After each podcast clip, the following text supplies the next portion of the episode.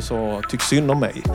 Eh, utan då fick man mest bara höra du har inte långt ifrån land rot Daniel. Du har, inte, du har bara börjat köra på, du har inget att klaga på. Ja. Typ sådär. Kärvt men snällt. Ja, och att han var bonde. Du har en väldigt fin liknelse här tycker jag om att han var en dator. Eh, och hur det, det, handlar om att bruka marken och jämförelsen med församlingen. Vill du berätta mer om den? Ja, men vi bodde mitt emot prästgården. Vi, var, vi hyrde, arrenderade mark, gjorde pappa då, av Svenska kyrkan. Han hade för övrigt ett ganska kluvet förhållningssätt till Svenska kyrkan för han hade sån respekt för prosten i byn, prästen, kyrkoherden. Ernst Lavén hette han i, hela, i många, många år, decennier. Men han var ju präglad av det här att Svenska kyrkan var statskyrka och väckelserörelsen behandlades Eh, ganska knapert och sådär. Men så i alla fall, vi hyrde mark och, och gården och så. Sen köptes den loss efter ett tag så pappa och mamma ägde den själva sen. Men under många år var han arrendator då. Och det, nej men han, han, eh, han, han, arbetade hårt. Vi körde hö, han hade en traktor och sådär. Han var ju månskensbonde efter ett tag. Men efter en brand så slutade han att hålla djur då. Så jobbade han sen, han var förman i industrin kan man säga i något som heter Borohus som är ganska, åtminstone då var en stor småländsk mm. husfabrik som pappa jobbade på sen. Men så pratar du också om att, om att just eh, när man är arrendator så äger man inte marken utan man, men man har att bruka den. Mm. Och så är det med församlingen också. Som ledare så är inte församlingen någonting man äger utan Nej. man har ett ansvar för den. Och man har att arbeta i den. Och där har du också det här, vi har att ro. Fortsätta mm. ro, inte så långt från land. Mm. Mm. Din pappa var ju väldigt eh, engagerad i att hjälpa människor som var utsatta. Och du har också varit det. Eh, är det någonting som du känner, ja du kände kanske att det ibland, det kan bli ibland en konflikt mellan ens egen familj mm. och att ta hand om andra människor som behöver det? Ja, alltså pappa har varit mycket mer engagerad för missbrukare än vad jag har varit. Jag försökte vara det också men Ja, men som sagt, vi var fem syskon och på något sätt så tror jag pappa han tyckte att men ni klarar er, ni har lätt för er i skolan och ni har fått jobb. Det, det är andra, ni behöver ingen hjälp utan det är alla andra som behöver. Vi hade ju ofta alkoholister boende hemma hos oss. Och min mamma tyckte att det blev för hotfullt, fick de bo nere i pannrummet för då kunde hon låsa upp och sådana här saker. Och pappa tog med mig någon gång till, jag berättar om en av hans jobbarkompisar som var så kallad periodare, drack hejdlös period. Jag, pappa tog med mig hem till honom och jag fick vara med som tioårig grabb och sanera hans lägenhet när de hade använt köket som toalett och toaletten som kök. Och jag har aldrig sett något till denna dag, tror jag, en sån misär. Men pappa älskade de här A-lagarna. De kunde ju komma på våra tältmöten. Jag skriver om en av dem som ropade en gång, för han satt bakom mina mostrar. Det var ju en liten församling och hälften var ju släkt med varandra.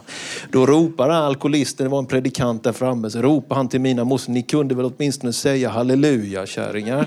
Sa han då den här missbrukaren. Och de, pappa älskade det här gänget. Jag kan inte minnas att han, vad ska man säga, gav sig på dem, predikade för dem. Han skjutsade på dem, han hämtade dem och lämnade. Pappa var han hade konservativa värderingar men han var inte moralist. Han avskydde lagisk förkunnelse. Han hade väldigt mycket emot liksom, att det är vi och vi ska sjö... Alltså han var... På det sättet uppskattar jag min pappa jättemycket. Jag tycker ändå han kunde få ihop det här. Liksom, att bry sig om utsatta utan att hålla med. Sen fanns det en dubbelhet därför att han till mig hela min uppväxt och till oss, mina syskon sa hela tiden. Man ska inte ligga det allmänna till last. Mm det behövs, andra behöver det, vi behöver ingen hjälp. Alltså det, det var lite så, så jag är ju kanske präglad av det. När pappa låg på sin dödsbädd så fick han besök av en sjukhuspastor i Jönköping och jag och en av mina systrar var där, en allianspastor. Och pappa började prata med den här sjukhuspastorn på ett sätt så till slut avbröt ju min syra. Alltså det här var ju en dag eller två innan han dog. Och då avbröt pappa eh, eller min syra pappa och sa pappa jag tror att den här sjukhuspastorn han är här för att hälsa på dig. Pappa har haft en utläggning om hur viktigt det är med sjukhuskyrkan och att de svaga får hjälp och att det är fint att ni går till dem och så vidare. Så till slut sa min syster, det är för dig han är här. Och då ansiktsuttrycket hos min pappa, aha, sa pappa då. Aha. Så det där kännetecknar honom. Kärv mot oss, fostrar oss ganska så här, ni klarar det, klaga inte, uppsök ingen hjälp, eh, sköt dig själv. Men hjälp de svaga. Typ. Så det var en slags dubbelhet som jag nog lite grann brottas med tror jag fortfarande.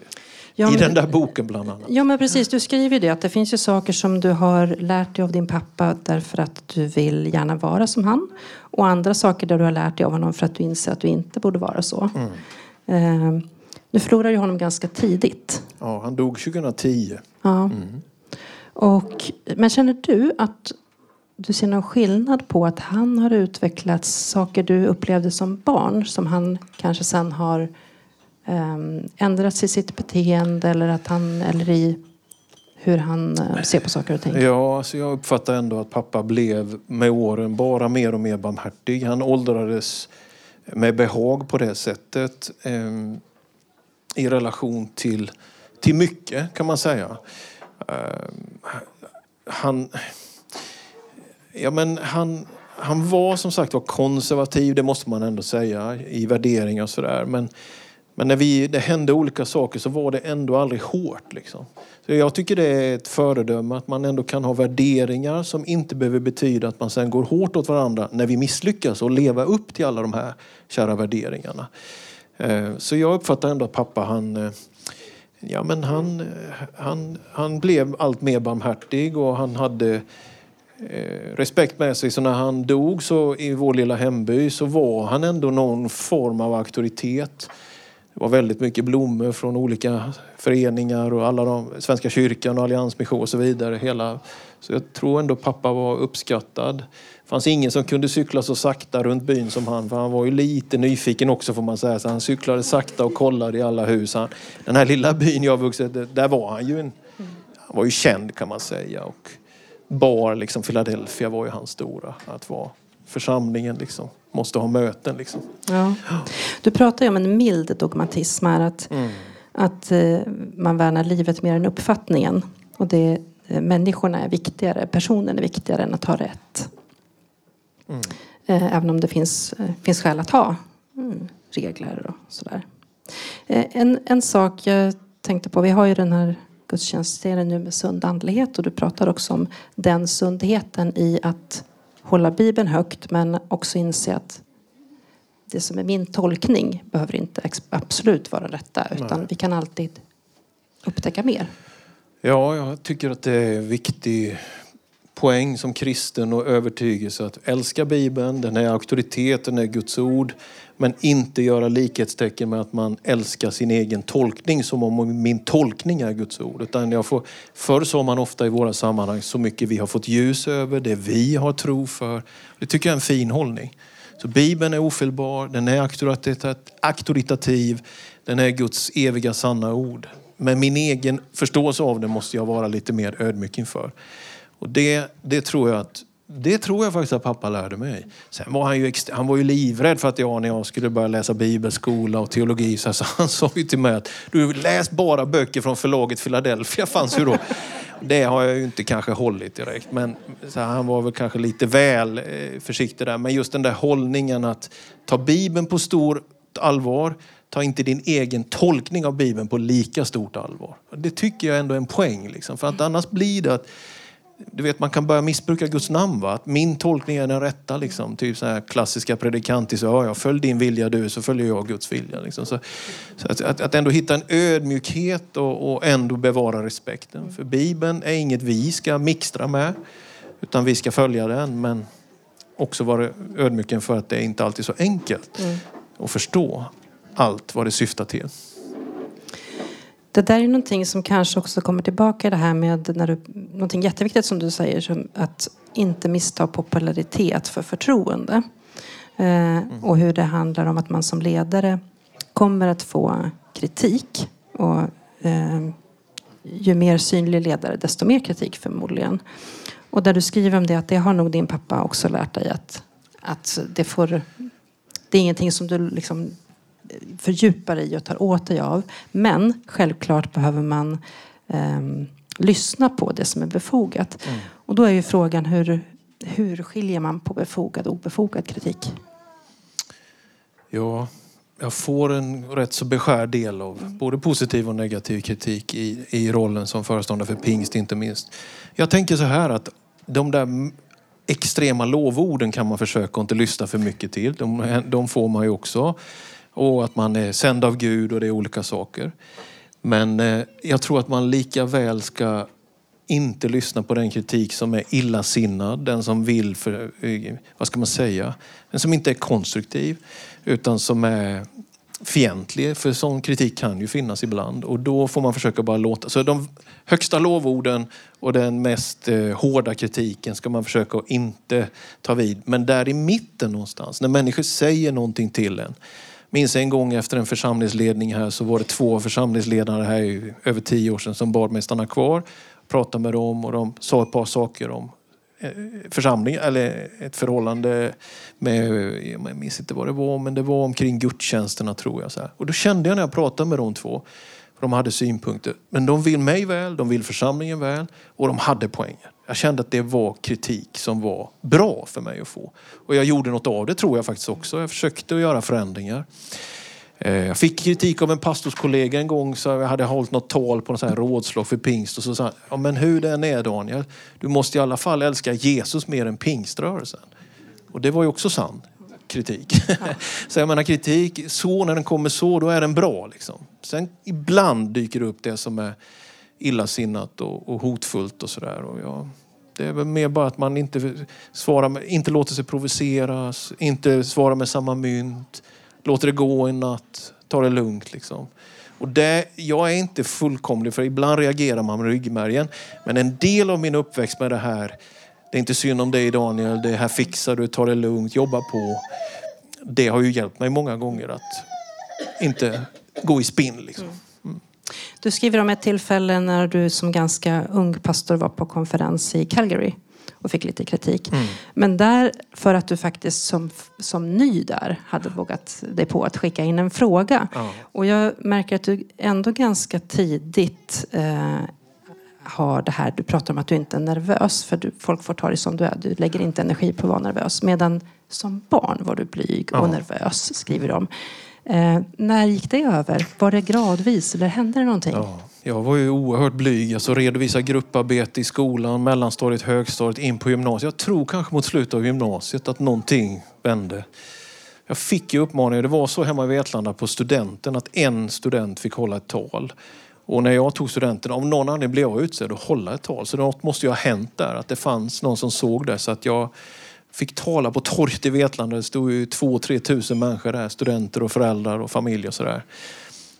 Och där någonstans kände jag att jag var inte nervös. Jag kunde göra det. Men jag, min, min, hade någon satt liksom, utvärdering på mig när jag var 14 år, då hade jag ju inte varit predikant idag. Absolut. Det var det värsta jag visste. Det var väldigt påfrestande det här med mikrofon eller stå framför folk. Så, så, så där någonstans, kanske slutet på gymnasiet, att det vände lite grann. Sen har jag nog fått utveckla det här att jag har inte energi till att hela tiden, som jag, du var inne på här innan, att liksom att vad ska folk tycka? Så man, till slut måste man på något sätt känna, jag gör inte det här för att hålla ett bra tal eller så, utan jag vill påverka. Jag vill att människor ska komma till tro. Jag vill att församlingen ska växa. Jag vill att människor ska bli uppmuntrade.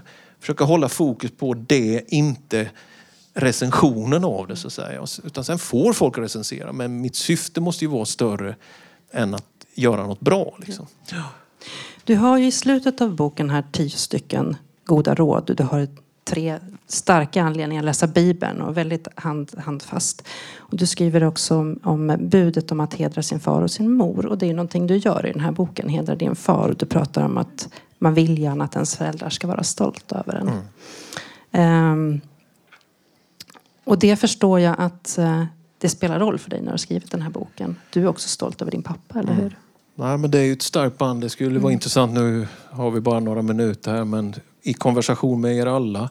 Alltså relationen till sin mamma, till sin pappa, det här budordet hedra din far och din mor så att du länge får leva i det land som Gud vill ge dig. Det är fascinerande hur pass stark drivkraft och motivation det där ändå är. Säkert på gott och ont, där man kan ha kanske sämre relation med sina föräldrar också. Mm. Men det är någonting nedlagt som är, jag kan inte sätta ord på det mer än att jag bara konstaterat i mitt eget liv att det är en väldigt stark drivkraft. att jag, det börjar ju när man är liten, man gör en teckning, springer fram till föräldrarna, kolla här liksom. Det gjorde ju våra barn och så. så, så det, det är väl det också. Det, för min del har det fortsatt upp i åren lite grann. Att vilja göra något som ens föräldrar kan vara stolt över. Det, det tycker jag är en fin drivkraft. Jag tycker att vi ska odla den, inte krystat men ändå schysst liksom, till våra barn och ungdomar. Att vi som föräldrageneration visar generositet och ger utrymme men också odlar det här respektfulla, att man vill göra något bra eh, för sina föräldrar. Så, så för mig i alla fall har det varit. Jag hade den där bilden som är på framsidan. Den har jag haft som bakgrundsbild på datorn. Den är faktiskt tagen i Västmanland. När pappa var ung så var han samvetsöm som det hette då. Han var vapenvägrare och blev då eh, kommenderad att hugga skog ett år på Uppsala universitets skogar i Bysala och Färna här uppe i Skinnskattebergs kommun. Så pappa, någon tog den bilden på honom under det året där och därför så tog jag med den. Sen då när vi flyttade till Västerås 2006, 2007 där någon gång var pappa och jag åkte där uppe. Eh, han kände inte igen någonting. Men han pratade väldigt ofta om Bysala. De var några stycken då som åkte runt och höll möten i Riddarhyttan och Allmänningbo och Fagersta och Skinnskatteberg. Och sådär. Så att, eh, ja. ja. Det är en drivkraft att hedra sina föräldrar. Ja, det och det gör du ju här. Ehm, det, det, finns en sak till som du skriver om din pappa som jag tänkte ta som vår sista fråga. Du skriver att han inte alltid förklarar vad han menar. Nej. Ehm, men jag, därför tänkte jag faktiskt be dig Sällan förklara vad du menar med sak här. I början precis så berättar du om när ni ska hugga ved. Ja. Och han, du ber om ett par handskar och han säger den som ber ett par handskar det första han gör är ingen att anställa. Mm. Och men vad menar man? Jag, jag, jag fastnade på det här faktiskt. Ja. Vad menar man med det? Är det så att du borde ha haft ett par handskar med dig från början? Eller ska man inte ha handskar? Ja, jättebra exakt. tycker jag. Det är ju en jättebra fråga. Nej, jag tror att pappa tyckte att det, det är fel ställd fråga. Eh, det var ju så att han ansåg alltid att om man kan vara ute på nätterna, vi åkte ju, jag och min kusin särskilt, vi åkte ju till Vetlanda och Nässjö och de här höglandsstäderna och på fredagskvällar bland annat. Och då, lördagkväll. Och då på lördagmorgnar stod han där och väckte en. Kan du vara uppe på nätterna så kan du vara uppe på dagarna. Komma ut och hjälp till. Likadant på söndagmorgnar. Kan du vara uppe på nätterna, kan du vara uppe på morgnarna. Nu går vi till Philadelphia. Så det var ju arbete på lördag och Philadelphia på söndagen. Jag är, upp, jag är inte uppfostrad i den fria viljan utan under faderns allsmäktighet kan man säga. Och det, han, han verkligen menade detta att det, det, det, det, vad är det för fråga att ställa? Om du behöver ett par handskar får du väl hämta dem själv, typ, tror han tänkte. Och det var liksom inget att eh, klaga på att man skulle vilja ha ett par handskar där på vedbacken. Utan det får du lösa själv, det är inget att ta upp med mig. Och det här med tystnad, alltså det provocerade mig ibland. Han var ju ordförande i församling och det skriver lite grann om det där. Att han, det var ju både bra och dåligt får man säga. Alltså det kunde ju hända att folk gick fram och hade ett inlägg i någon fråga. Han svarade inte. Utan det blev tyst bara. Och, och, samtidigt idag när allt ska kommenteras och skrivas på nätet och alla ska tycka om allt så kan jag, ju, kan jag ju sakna lite av den tanken att man ibland är det bra. Vi, vi citerar ju man, talar i silver, tiga guld. Va? Och vår tid har ju väldigt svårt att ibland också vänta lite sades ju om FNs generalsekreterare Trygve Lie, en norrman som företrädde Dag Hammarskjöld, att han är så bra ledare för han kan tiga på många språk. och det, det, finns en poäng att ibland vänta, ibland ta tid och det, det att inte låta sig bara provoceras och hugga. Sådär, va? Så kärvheten kan ju, och tystnaden kan ju ibland bidra med visdom. Men ibland är den tärande. Ibland måste man ju få fråga liksom, och få svar också. Vi ska avsluta det här samtalet men eh, det finns ju att köpa i Daniels bok här utanför alldeles precis nu om en liten stund. Det är ni välkomna att göra. Eh, jag rekommenderar den varmt. Tack så mycket Daniel. Tack.